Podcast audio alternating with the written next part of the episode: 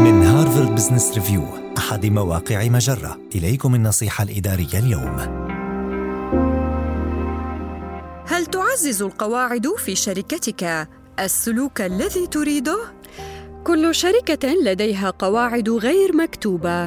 تملي على الموظفين السلوكيات التي يجب عليهم اتباعها. تكون هذه القواعد غالبا متجذرة لدرجة أن القادة لا يفكرون فيها. ولكن إن لم تفكر فيها فستجازف بخلق شرخ.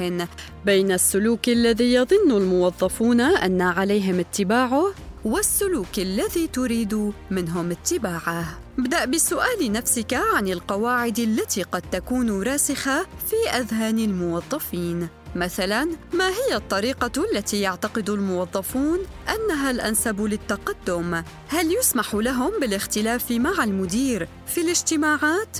ثم اختبر افتراضاتك عن طريق سؤال الموظفين عما يعتقدونه. قد يكون ذلك أسهل إن لم تطرح هذا السؤال بنفسك. دون ما تسمعه. وفكر في القواعد التي تساعد الشركة على تحقيق أهدافها.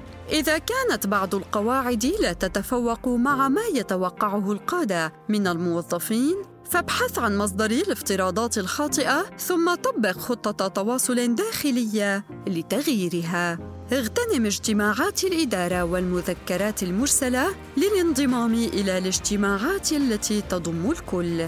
اللقاء المفتوح والرسائل الموجهة من أجل ضمان أن يكون الجميع متفقين على القواعد الواجب اتباعها.